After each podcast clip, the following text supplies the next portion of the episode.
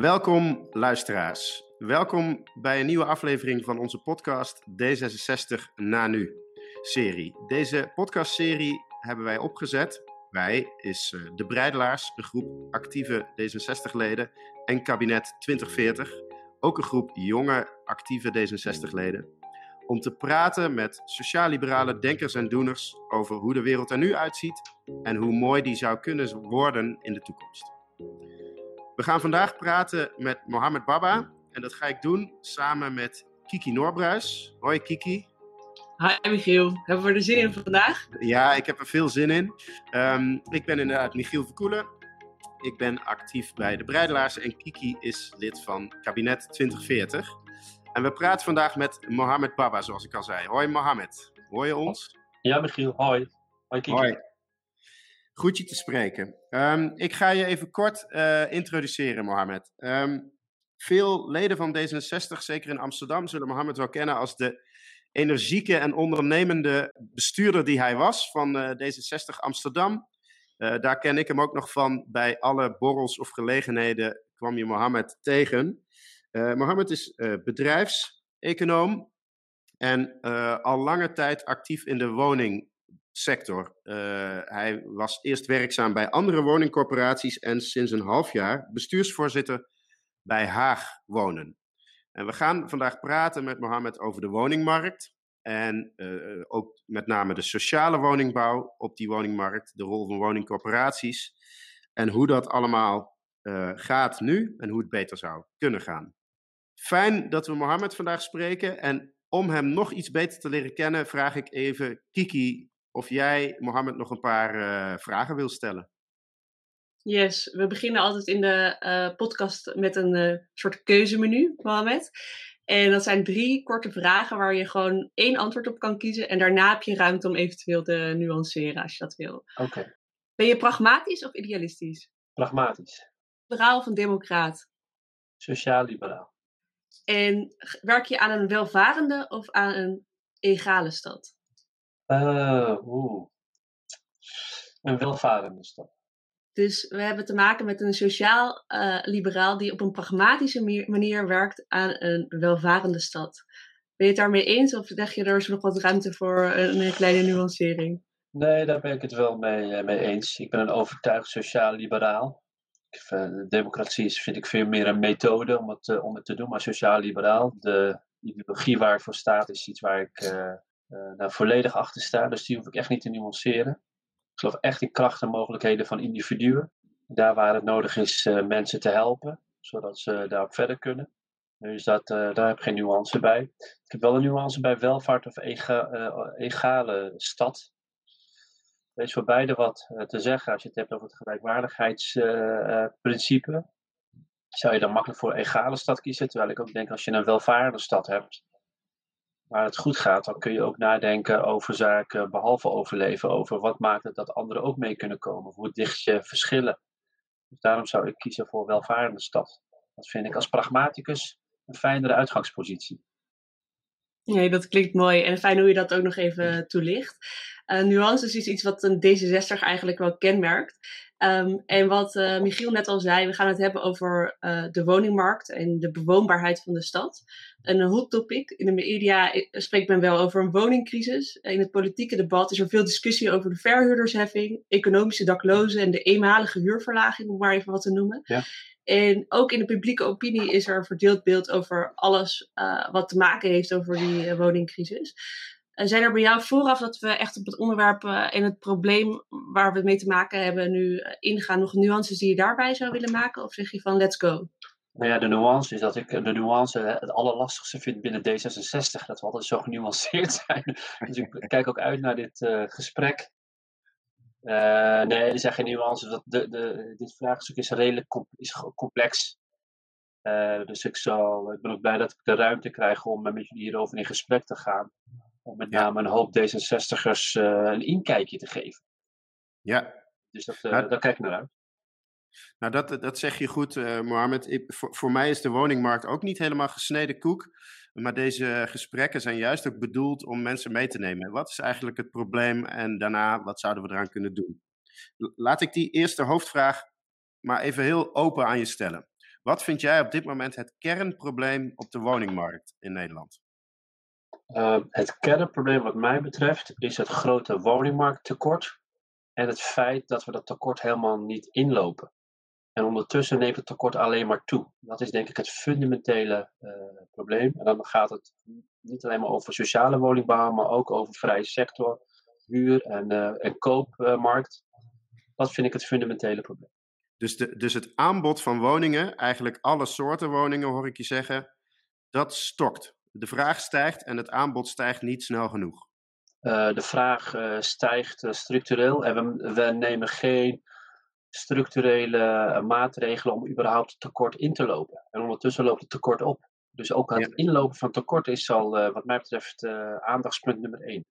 En, en hoe komt dat nou? Hoe, waar, waarom kunnen we niet snel genoeg huizen bouwen? Nou ja, we kunnen het wel. Zowel qua techniek als qua middelen. Maar wat wij, waar we natuurlijk mee geconfronteerd worden, zeker als het gaat om de socia sociale woningbouw, is dat dit ook uitvloeisels zijn van politieke keuzes over de afgelopen 10 tot uh, 20 jaar. Mm -hmm. Dat begon heel erg met, ook met uh, hoe heet hij ook alweer, Stef Blok als minister, die bewust politieke keuze heeft gemaakt om de sociale woningbouw te verkleinen. Ja. Om het vooral aan de markt over te laten, want in zijn overtuiging waren we klaar met de woningmarkt en was het nu verder aan de markt om dat verder te reguleren. En daar hebben we tot op de dag van vandaag last van. En het tweede is, is dat we met name rondom de crisis van 2009 en 10, mm -hmm. uh, ook uh, toen de crisis uh, toesloeg, gestopt zijn met bouwen en met verder plantvoorraden aanleggen om door te bouwen. Dat is eigenlijk wel de grootste les die we nu met z'n allen hebben geleerd. Om en dat was... altijd cyclisch te bouwen, dus ook in de tijden van crisis, door te blijven bouwen. Daar hebben we heel veel last van, van het feit dat we dat ruim tien jaar geleden niet gedaan hebben. En als je zegt we, bedoel je daarmee de Rijksoverheid? Heeft de Rijksoverheid te weinig... Uh, uh, nee, alle belangrijke stakeholders. Uh, Rijksoverheid qua regie of qua regie op ruimtelijke ordening en mm. toewij- woninggebieden toewijzen op corporaties die in de remmen gaan, zijn gaan staan omdat de crisis toesloeg. en vervolgens ook marktpartijen die wat voorzichtiger zijn geworden en wat minder risico wilden nemen. Ja. Waardoor ook vervolgens uh, de bouw uh, en de aannemerij natuurlijk ook uh, op een gegeven moment stokte. Dus, dus zo, eigenlijk... is, zo, is, die machinerie redelijk tot stand, stilstand gekomen. En het kost vele jaren om dat weer opnieuw goed op gang te krijgen. Ja, en, en eigenlijk zeg je dus, dus Rijksoverheid, lokale overheden, corporaties en marktpartijen, allemaal hebben ze ja. eigenlijk even op de rem getrapt. En hoe. Um, wie is er eigenlijk als eerste dan aan zet om zoiets te doorbreken? Uh, wat hadden we dan in het verleden? Had, van wie had je het meest verwacht dat hij een ander besluit had genomen de afgelopen jaren? Ik had gehoopt als we terug zouden kunnen in de tijd dat we meer invloed hadden gehad op politieke keuzes die toen zijn gemaakt. Ja. Dat is wat mij betreft ook een oproep naar voren toe, voor het andere deel van het gesprek is om continu aandacht te blijven houden en de impact te laten zien van dat soort keuzes. En die proberen voor uh, te zijn. Ja. Dus het ene, politieke keuzes. Uh, andere kant, corporaties hebben ook natuurlijk een aantal incidenten gekend waarbij bestuurders malversaties hebben gepleegd. Ja. En daar is in 2015 terecht op ingegrepen, met, ingegrepen door het Rijk met een parlementaire enquête. En dat heeft uiteindelijk gemond in een nieuwe woningwet. Er Mhm. waren relatief weinig spelregels voor woningcorporaties. Eh, daardoor eh, werden eigenlijk corporaties weer eh, terug eh, het hok ingeschopt, terug naar de kerntaak. Het Heel even daarover. verhuren. Ja, Zou je nou zeggen dat eh, de fouten van een paar individuen dan toch impact hebben op een groot eh, deel van de bevolking? Of ga ik dan, Eh, stel ik het dan te scherp? nee, dat is te scherp. En te- dat is een, echt, een, een, een- echt een, short, een, een, een, hele korte bocht. Eh, het, heeft wel heel veel iets, het heeft wel een aantal dingen duidelijk gemaakt. Kijk, de tijdsgeest was ook, en dat vergeten mensen, want dat hebben we gewoon niet meer scherp. Er werd ook een beroep gedaan aan corporaties om in het kader van eh, kwetsbare wijken te investeren, ook in werk, in stageplekken, in eh, ontmoetingsruimtes. Dat, werd, dat was de tijdsgeest. Het was ook de vraag vanuit het Rijk. De toenmalige minister van der Laan vroeg ook om eh, wijkaanpak. We hebben ook nog Ella Vogelaar gehad met de wijkaanpak. En we hebben Roger van Bokstel gehad Mhm. Het grote stedenbeleid. Nou, daar speelden corporaties een cruciale rol. Dus ook in de tijdsgeest werd er gevraagd om meer te doen dan alleen maar goedkope huurwoningen aan te bieden. Maar ook een rol te pakken in, uh, in wijken. Om horecabedrijven te starten, zodat lokale jongeren stageplekken konden lopen. Uh, ontmoetingscentra om, uh, optuigen. Hè? Nou ja, et cetera, et cetera. Alleen daar zijn een enkele bestuurders zijn zich daar anders in gaan gedragen of ze hebben zich laten verleiden om zich te, om zich te gaan gedragen als commerciële vastgoedbaronnen. Uh, en dat is een corporatiebestuurder in de basis gewoon niet. En ja, dus dat is wat er speelt. Jij, jij bent, uh, zoals ik al zei, ik wil wel heel even stilstaan bij die corporaties. Dat doe je al. Je bent sinds een half jaar uh, bestuursvoorzitter ja. uh, van Haag Wonen. Die volgens mij een groot deel van, in elk geval de stad Den Haag, daar zijn de woningen van jullie, om het zo maar te zeggen. Ja. Um, wat zijn je ervaringen in, de, in, de, in dat eerste half jaar nu je daar zit? Je kent die corporatiewereld natuurlijk al langer. Ja. Um, ja, wat zijn je positieve, maar misschien ook vooral negatieve ervaringen over, en dan bedoel ik het, wat moet er nog gebeuren bij de corporaties zelf? Ja, um, nou ja, wat je ziet de afgelopen jaren is dat de corporaties wat meer uit hun schulp komen. dus uh, het creëren van terug naar de kerntaak uh, is niet meer maatschappelijk uit te leggen, want de opgaves in de steden, met name in de kwetsbare buurten, nemen toe. En er wordt ook gewoon weer echt een beroep gedaan op corporaties door gemeenten, door uh, partijen op het gebied van welzijn en zorg. Dus uh, we gaan eigenlijk weer terug naar de klassieke rol van corporaties, behalve het onderhouden en betaalbaar houden van woningen, ook een rol pakken als het gaat om de leefbaarheid in, in, wijken, om het prettig en plezierig te hebben. dus we worden daar ook veel meer op aangesproken. Dus die vraag komt gewoon weer echt expliciet op, terug op tafel. En je ziet dat wij als corporaties ook veel meer zelfgedreven zijn om onze volkshuisvestelijke rol wat breder uh, op te pakken. Um, en dat doen we niet alleen, dat doen we ook met onze toezichthouders, die ook uh, uh, met ons meedenken om daar op een goede manier mee om te gaan. Kijk, en ja. waar, we, waar we mee geconfronteerd worden, is dat de pijnlijke constatering is dat de opgaven die we als corporaties zien, vele malen groter zijn dan de middelen die we hebben om daar aan bij te dragen. En dat is eigenlijk de grootste uitdaging voor de aankomende vier jaar om uh, daar structurele oplossingen kunnen maken. Ja, zeker, zeker. Uh, we hebben, als je kijkt naar wat een corporatie doet en wat een corporatie zou willen doen vanuit volkshuisvesting in de kern, uh, dan gaat dat uh, behalve om onderhouden van woningen en ook nieuwbouwwoningen toevoegen om bij te dragen aan het woningtekort, ook een rol willen spelen in het beheer in en rondom onze woningen. Uh, Tegelijkertijd zijn we de afgelopen jaren uh, uh, ook onderhevig geweest aan allerlei extra fiscale heffingen, waardoor onze middelen uh, afnemen. Nou, dat is een technisch verhaal.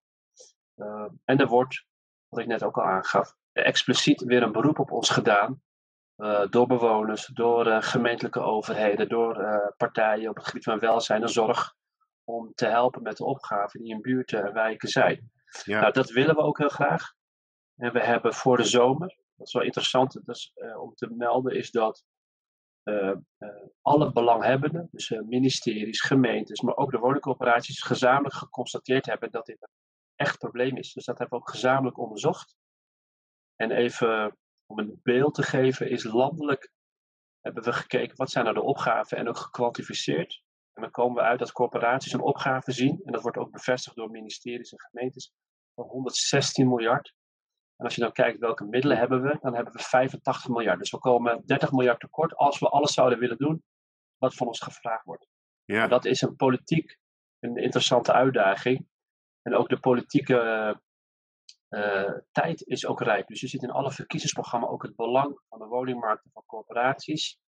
En het belang om daar ook uh, te zoeken naar structurele oplossingen. Om op die manier uh, in wijken de corporaties meer een rol te kunnen laten spelen. Ja, laten we daar heel even, als, bij mijn laatste vraag voor, voor, de, voor het blokje hè, van uh, hoe gaat het nu in de wereld en wat gaat er nu ook niet goed, even de politieke kant en ook onze ja. eigen partij even kritisch ja. uh, bekijken.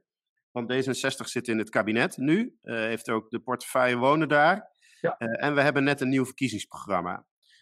vind je dat D66 genoeg heeft gedaan de afgelopen tijd? Of, eh, en, en ook in het programma? Of vind je dat, of eh, kan, mag er wel een tandje meer bij? Uh, dat mag. absoluut een tandje meer bij. Zowel op inhoud als, als, op, als op het belang van dit onderwerp. Want het raakt ook heel veel andere dingen als veiligheid, onderwijs, perspectief bieden voor mensen om zich te ontwikkelen. Mhm. Ehm, en ik vond het tot voor kort vrij eng uh, benaderd. ik ken met name ook de Amsterdamse positie heel erg goed. Dat was heel erg gestoeld op de middenhuur. Ja. En uh, bouwen voor de middenhuur. Maar er werd in mijn optiek geen verbinding gemaakt met doorstroming vanuit sociale woningcoöperatie woningen. En ervoor zorgen dat dat goed doorstroomt. En, dat, en de kansen die vanuit de sociale woningbouw zijn om ook in te grijpen op de middenhuur. en het tweede is, en dat zie ik gelukkig wel terug in het verkiezingsprogramma en ook wel in het bewustzijn, is dat uh, met name in de grootstedelijke discussies als het gaat om uh, leefbaarheid en sociale cohesie, ja. niet alleen maar gaat over stenen, maar ook over de sociale kant. Dus hoe zoek je de verbinding tussen uh, fysieke herstructurering, koppelen aan welke voorzieningen zijn er in de wijk en hoe ziet het sociale netwerk eruit? Dus, je, dus als, ik je, als ik je goed vertaal, zeg je tot nu toe was het eigenlijk eh, wel wat onvoldoende vanuit D66, maar het verkiezingsprogramma biedt hoop. Het verkiezen biedt absoluut hoop. En zeker de koppeling tussen het fysieke deel en het sociale deel. En dat die twee elkaar, uh, dat dat niet zonder elkaar uh, kan. Ja. bijvoorbeeld in Den Haag, waar ik zelf actief ben, hebben we het gebied Den Haag Zuidwest. daar staan 70.000 woningen, waarvan 68% sociale woningbouw. Nou, dan gaan we de aankomende 20 jaar willen we daar een meer gedifferentieerde wijk van maken. Maar ook zorgen dat daar een VWO-school staat. En dat er ook mogelijkheden zijn voor bedrijven om zich te vestigen. Nou, dat zie je ook in Rotterdam-Zuid. Dat zie je in Amsterdam-Zuidoost. Dat soort programmeringen. Ja, dan kun je heel goed ook met een D66-blik uh, eh, in uh, proberen te maken en invulling aan te geven. Dus dat is niet alleen maar toebedeeld aan de linkse partijen, om het maar even zo uh, flauw en plat te zeggen. Duidelijk. En volgens mij nemen we al inderdaad een kleine uh, voorschot op uh, waar het heen moet in de toekomst. We hadden het net al even over het verkiezingsprogramma, wat natuurlijk een, een perspectief biedt voor zeg over de komende vier jaar.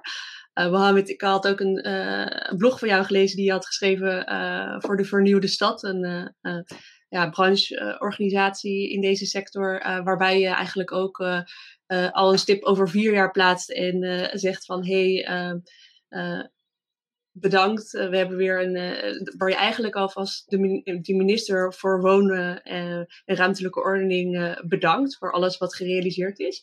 Ik zou met jou wel graag ook even het stipje wat verder dan die vier jaar willen plaatsen en echt twintig jaar vooruit willen plaatsen naar 2040. Gaan alle alarmbellen je... af? Bij jou nu? Ja, precies. Eh, dat geeft aan hoe problematisch misschien wel deze eh, eh, wooncrisis is waar we in, in zitten nu. Maar als we nu naar 2040 kijken, wat is het ideaalbeeld waar we ons dan in bevinden? Zou je dat kunnen schetsen? Ehm, dat we een gezondere woningmarktsituatie hebben. Ehm, ehm, dat er een ruimer en flexibeler aanbod is, zowel voor starters als voor uh, mensen met uh, lager inkomen, dat ze ook uh, goed bediend kunnen worden. Dat we geleerd hebben van het verleden, dus dat we ook vooral anticyclisch blijven denken, omdat we dan behalve mensen een, een goede, goede, mooie dak boven het hoofd geven, ook met name ook de economie blijven stimuleren via bouwopdrachten, koppelingen met andere voorzieningen in wijken. Uh, en dat we een voorbeeld blijven voor in de wereld. Want we vergeten ook wat we in handen hebben. Hè. Martin Verrijn, dat is de voorzitter van de koepel van woningcorporaties EDIS. Die zegt zo, we hebben goud in handen. Als je kijkt dat we ruim 100 jaar met sociale woningbouw bezig zijn en wat het ons opgeleverd heeft. Wij kennen in dit land geen ghetto's. we hebben het wel over segregatie en over uh, uh, problemen in de, in de grote stedelijke gebieden. Maar echte ghetto's zoals we dat in Parijs kennen of in Amerika hebben we gelukkig niet. Nou, ik hoop dat we in 2040 uh, eh, dat nog steeds niet hebben. Uh, en dat man, mensen alle kansen krijgen, ook als ze dat wat minder hebben, om in ieder geval goed te kunnen wonen. Om zich vooral te kunnen concentreren op uh, onderwijs, werk. Om zich te verbeteren in het leven. Nou ja, dat is mijn droombeeld van 2040. Ja, en, dat, ja. en hoe, hoe moeten we daar komen. Want hey, we hebben nu zeg maar dan uh, keuzes die we nu maken. Zeker als we kijken naar de, de, de uh, woonsector en de impact op ehm, wijken. Je ziet vaak pas dat dat een generatie later effect heeft. dus welke keuzes moeten we nu maken om uiteindelijk in die ideaal situatie te komen? Ehm, ik denk dat het begint met, een beetje gek, gek gezegd misschien, dat we beginnen met het respecteren van ieder zijn belang. Uh, dat is het Rijk, uh, dat zijn ontwikkelaars, uh, beleggers, woningcorporaties, huurdersorganisaties, want dat eigenlijk moet ik niet vergeten te noemen. ieder heeft er belang bij. En als je dat respect niet kan opbrengen, dan blijf je tegenover elkaar zitten. een concreet voorbeeld voor corporaties, uh, wat je ziet, is dat die nogal vaak een, uh, een, klassiek beeld hebben over marktpartijen als ontwikkelaars en beleggers. Dat zijn cowboys die willen alleen maar één ding winst maken. Terwijl als je zegt van ik heb begrip en respect voor het feit dat jij rendement wil maken. Maar het hoeft niet uh, rendement te zijn met twee cijfers, maar het mag best een flink rendement zijn. En je bent bereid ook om een maatschappelijk rendement te nemen, dan is dat een heel andere gesprekspartner voor mij en twee is dat je ook partijen bij elkaar kiest die uh, er langdurig willen blijven zitten. Corporaties kenmerken zich met name dat ze tientallen jaren in wijken blijven. Nou, er zijn best beleggers en ontwikkelaars, met name beleggers, die ook zeggen wij beleggen ons geld voor een bepaalde doelgroep, metaalwerkers. Daar willen we voor zorgen dat de aankomende 30, 40 jaar ook goede woningen voor zijn. Dus hoe zoek je ook goede uh, partnerships en vitale coalities om met name in te kunnen zetten op meerjarig of lange termijn. En, en uh, Mohammed, de, de, uh, dit is wat alle partijen zouden moeten doen. Ik zie de politieke partijen, ook onze eigen partij, die zegt uh, we moeten 1 miljoen woningen bouwen uh, voor 2035, volgens ja. mij. En je ziet dat ehm, de, eigenlijk bijna alle politieke partijen hebben die ambitie. Alleen sommigen zeggen halen daar nog een paar jaar van af of doen er een paar jaar bij. Hè? Dus de, de strijd, weet je, wie heeft als eerste 1 miljoen huizen gebouwd? Ja. Maar is, dat voldoende, die ambitie? Oh, dat is, dat is een prima ambitie, uh, Michiel. Uh, alleen wat je vaak ziet in de politiek, dat dat heel erg gaat eh, stagneert en blijft hangen in definities en in aantallen en wie het eerst uh, het hardste dat kan roepen. En mijn stellingname is, laten we in godsnaam aan de bak gaan en aan de slag gaan om van de kant af te komen. Uh, dus eigenlijk geen ambities, maar acties. Acties. We moeten echt in beweging uh, gekomen. Bouwbedrijven staan er klaar voor, uh, ontwikkelaars, beleggers, corporaties. wat wij nodig hebben van de rijke en politieke keuzes die gemaakt moeten worden, is doorzettingsmacht. helpen om procedures te vergemakkelijken. ruimtelijke ordening visies. ik pleit ook voor een minister voor bouwen, wonen en ruimtelijke ordening. En niet voor een ministerie, maar voor een minister die ik vooral uh, kan afdalen. Waar loopt het vast? Hoe regelen we dat? Hoe wijzen we gebieden aan? Die ook niet bang is uh, om te zeggen, nee, we gaan bouwen uh, in het buitengebied. Maar het moet binnen de steden gecompenseerd worden in ecologie of biodiversiteit. Om ook een goed beeld te schetsen. Ik geloof dat 8 of 10 procent is woningbouw in Nederland en de rest is vooral landbouwgebied. Ja, kunnen we dat gesprek voeren met elkaar? Duidelijk en een hele heldere oproep, uh, denk ik. Um, en als je nou kijkt, want uh, zeg maar een heel groot deel van de luisteraars is, is wellicht niet uh, zeg maar een politicus of misschien werkt niet werkzaam bij het Rijk, maar gewoon als, als burger of bewoner van de stad. Wat, wat, wat kunnen we doen? Nou ja, dat begint volgens mij in je eigen buurt en omgeving. Om eens rond te kijken van hoe ziet mijn buurt eruit? Wie zijn mijn buren?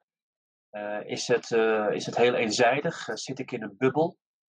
Of zit ik uh, in, een, in een wijk en een buurt die ik veel uh, diverser zou willen hebben. Zowel in uh, woningbouwtypes als in mens. wat voor soort stad zou je willen? Wat voor soort buurt zou je willen? Dat zou mijn oproep zijn aan een ieder. Om daar iets van te vinden en ook voor open te staan om het gesprek te starten.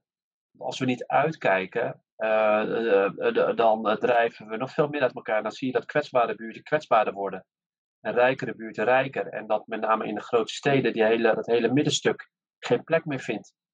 Als we, dat, als we die discussie niet voeren, ook niet als individu, dan, uh, uh, dan zit daar een risico wat mij betreft. Ik denk een hele mooie oproep om inderdaad zelf wat bewuster te zijn van waar woon ik en wie wonen er om mij heen. Ja. Met een oproep daarin ook eigenlijk om, om samen te zorgen dat er een soort van sociale tweedeling, dat we die voorkomen. Ja, dat is het sociaal-liberale deel wat, uh, wat mij heel erg uh, aanspreekt.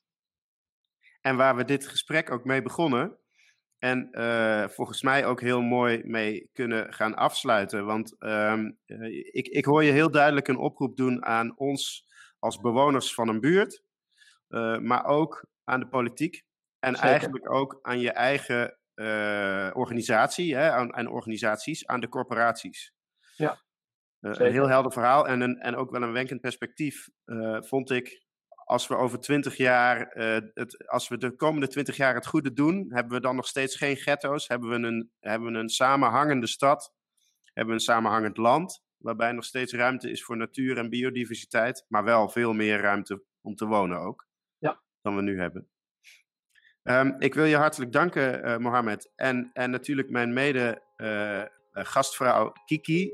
Um, en ik wil de luisteraars bedanken voor het luisteren naar deze podcast in onze serie D66 naar nu. Uh, vertel je vrienden dat we deze podcastserie hebben. Like ons, abonneer je op onze serie. Want wij gaan de komende tijd door met inspirerende sprekers en ideeën om het sociaal-liberale gedachtegoed samen te voeden. Nogmaals dank en tot de volgende aflevering.